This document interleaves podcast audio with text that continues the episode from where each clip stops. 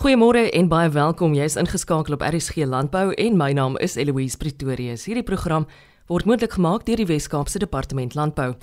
Die gebruik van biomassa in volhoubare energieopwekking is veral in onlangse tye besoek wat die proses behels en wat nodig is om dit grootskaals te doen. Iets wat ons met direkteur van navorsing en beskerming by Bosbou Suid-Afrika, Dr Ronald Heath bespreek. Dit is egter 'n komplekse proses en die nodige tegnologie wat dit behels nog in 'n stadium van ontwikkeling. Ons ondersoek ook geleenthede wat moontlik werkskepping tot gevolg kan hê.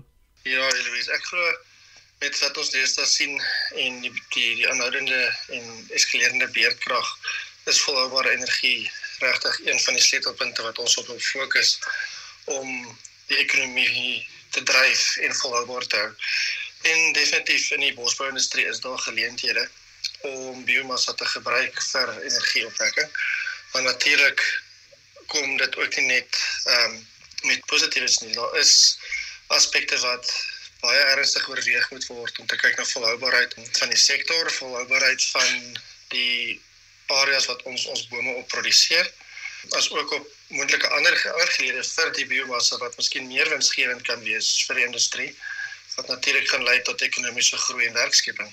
Daar's verskillende gedagtes daar rondom ook en jy sou sekerlik met my saamstem dat die tegnologie hiervan nog in sy kinderskoene is. Ja, inderdaad. Ehm um, daar's ongelooflik baie werk gedoen in energiegenerasie met biomassa wêreldwyd. Ehm um, Suid-Afrika het ons 'n paar instansies en universiteite wat al ernstig werk gedoen het en gekyk het daarna. En dis deur van die werk wat ons as 'n industrie besef het, daar's geleenthede, maar daar is ook struikelblokke wat ons baie versigtig moet wees om byvoorbeeld te kyk na as jy na die industrie as 'n geheel kyk en nie net na plantasie bosbou nie. In die verwerking van hout en baie van die aanlegte is daar residue wat wat wat uh, omskep word as gevolg van die produksie van hout. Natuurlik nie 100% van die hout wat in 'n saagmeel of 'n papiermeel ingaan word gebruik nie, daar is natuurlik residue. En die industrie deur tegnologieontwikkeling het baie ver gevorder en 'n aantal van ons groot produsente in die land het al dit reg gekry om hierdie residue om te skakel en die biomassa te gebruik om energie te genereer. Natuurlik het dit baie dit baie goed om die energie dan in jou eie produksiestelsel te gebruik, maar ook by die wetgewingsveranderings wat ons gesien het in 2022 uh waar die president toegelaat het dat um, meer energie op 'n slag in die stelsel terugverkoop mag word. Gee dit ons 'n baie goeie geleentheid dat die bosbouindustrie kan bydra tot volhoubare energie generering deur middel van biomassa. Aan die ander kant, as ons kyk na die plantasiestelsel, is daar twee areas waar biomassa oorweeg word vir energieproduksie. Die eerste is totale boom en ehm um, benutting vir energie, vir biomassa energie. Op die oomblik is daar nie veel appetyd daarvoor in die industrie nie. Die groot rede daarvoor is ons sit met 'n houttekort nie net in die land nie, maar, maar in die wêreld. En ons het indikasies dat al gebruik ons deesdae minder papier, beteken nie ons het minder hout nodig nie, want die produkte wat deesdae van hout produseer word is so divers en en deesdae totaal anders as wat ons 10 jaar terug hout voorgebruik het. So daar's baie skraal kans dat ons totale plantasie sal sien wat geplant word vir biomassa. So sommige studies wat al gedoen is, het ook gewys dat die winsgewendheid daarvan is is is teen nie moontlik nie. Die groot rede daarvan is die grootste koste in daai prestasiestelsel is die vervoer van die biomassa na 'n aanleg toe. En studies wat die Universiteit van Stellenbosch al gedoen het, het gesê dat jy kyk omtrent na 200 km radius moet jou biomassa vandaan kom met bosbou wat baie wyd versprei is en redelik in in kolle voorkom, is die moontlikheid om om genoeg biomassa in 'n 200 km radius te plant en te onthul vir vir energie opwekking 10 teen 1 nie moontlik nie. Dan laastens die ander geleentheid wat ons het wat ook al baie na gekyk is, is die residue wat agterbly in die plantasies na bome geoes is. Daar's baie werk al daarop gedoen ook weer eens om die biomassa te versamel, te vervoer en dan geen energie op te wek kos weer eens baie geld en dit op oomblik is die appetyd natuurlik baie laag daarvoor. Ons het ook besef dat daar 'n baie noue balans om die biomassa te verwyder van die plantasies af want natuurlik daai biomassa wat agterbly na ons bome geoes het dra wel by tot die um, volhoubaarheid van die grond wat ons ons bome opplant en sit baie belangrike nutriënte terug in die grond soos dit afbreek. Beide moet ons ook besef dat met klimaatsverandering wat 'n baie groot impak het en 'n baie aandag kry op die oomblik veral na laas jaar se vergadering moet ons besef dat enige hout of houtproduk sluit baie koolstof in En hy doen dit in sy hele lewenstyd wat dit of papier word of dakkappe word of gebruik word in klere in die Europese mark. Die oomblik dat ons dan daai hout vat en energie verwerk waar basies opgebrand word, verloor ons daai koolstof, daai koolstof gaan terug in die lug in. Wat ook nie is ideaal is wat ons wil hê nie.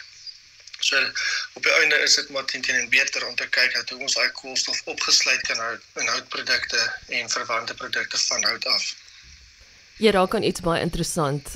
Dis maar heerlik om te weet dat Suid-Afrikaanse bosbouprodukte so 'n groot bestanddeel is van Europese modes. Ja nee, dis baie waar.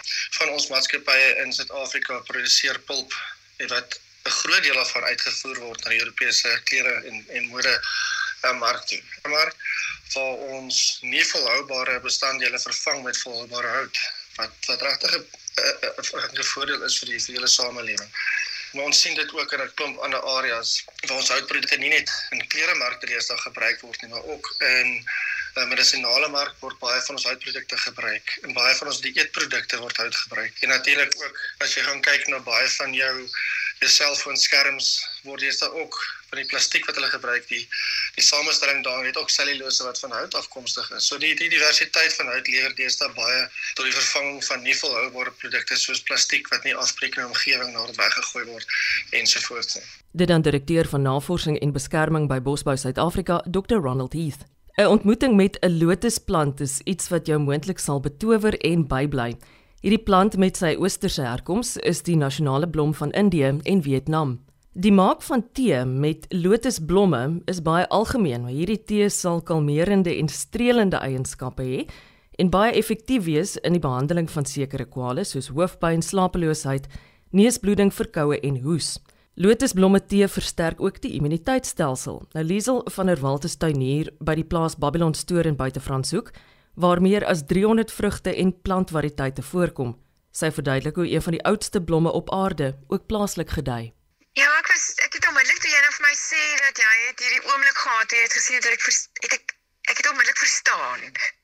en dit want dit is die reaksie wat 'n lotus het by mense. Ehm uh, ek onthou ook die eerste keer wat ek die lotus gesien het was by die Stellenbosch Botaniese Tuin. Nog lank voor voor Babylon Storen se tuin bestaan het en ek het jaarliks gegaan net om die plant in blom te sien. So dit is hierdie dit is hierdie plant wat jy amper tog maak elke jaar om te sien. En tog is dit 'n plant met soveel eenvoud. Ek dink dis daar's maar daar's ek weet nie daar's net iets wat wat mense vasvang. So die die lotus word as heilig beskou in die, in die ooste waar hy natuurlik voorkom so plekke soos Indië, Vietnam. Ja, spesiale waterplant wat eintlik in baie vlak water groei. Hy gaan heeltemal dormant in die winter. So as jy in die winter kom kuier in die tuin, gaan jy niks sien nie. Dan gaan jy maar net wonder wat gebeur in hierdie modderpoel. Maar as jy in Desember kom, dan is dit 'n hele ander storie. So hy het 'n wortelstok wat onder die onder die water groei. Vir my lyk die wortelstok amper soos klein varkworsies wat so aan mekaar gebind word. So elke jaar dan kruip hy na 'n nuwe gedeelte uh waar hy dan 'n nuwe deel van sy wortelstok maak. So daai nuwe gedeelte is baie sensitief en ons as tuiniers is baie bewus daarvan. So wanneer ons die lotus wil vermeerder, sê ons altyd daar's 1 week in die jaar, die eerste week van September. So net voor dit begin warm word en die nuwe groei kom, dan kan jy hom lig en verdeel sonder om daai nuwe pyntjie seer te maak.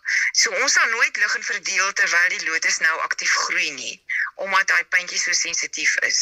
Ja, so so jy hy lê dan heeltemal in hierdie modderpoele en ons damme is niks meer as omtrent 40 cm diep nie. Die die lotus kan net so maklik in 'n pot groei. Jy het eintlik baie vlak water nodig. So jy dan nou hierdie onderste modderige grond waar die wortelstok in die modder lê en dan baie vlak water en dan begin die nuwe blare stoot hierso so einde Oktober, November, maar die eerste blomme kom dan nou kom hier so ons ek sê altyd rondom Kersfees. Dit kan so 'n week of twee vroeër wees, maar jy's veilig vir ons so rondom Kersfees.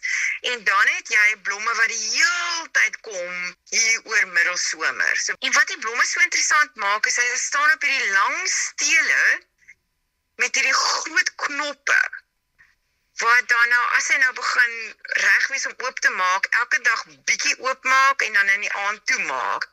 En dan elke oggend maak hy so bietjie meer oop en 'n bietjie meer oop en 'n bietjie meer oop totdat hy die laaste dag dan nou heeltemal uitmekaar uitval. En dan kom maar weer 'n volgende knop. So waar ek nou voor hierdie dam staan, kyk ek nou aan groot eh, lang stele wat die saadknop het. Die saadknop lyk natuurlik net soos 'n stortkop. Ehm um, ons het baie keer by die bloemiste koop ons op dit want selfs die die, die saadkoppe is baie interessant.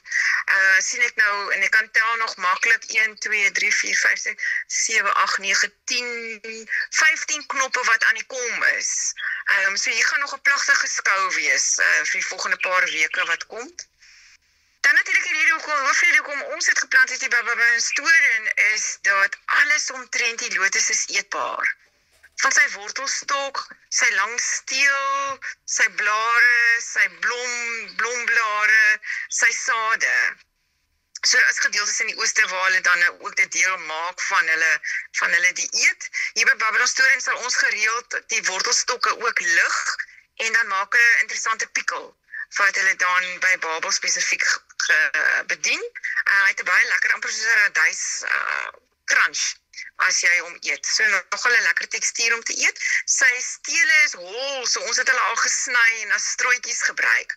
Ehm um, en dan natuurlik die ander ding met die blare, hierdie pragtige groot ronde blare dat as jy 'n druppel water op hom gooi dan dan rol hulle soos soos soos koekrond omdat hy 'n spesiale waslaag het om sy blare te beskerm met water wat dan net afrol. So dis nog 'n lekker ding vir 'n kind om mee te speel.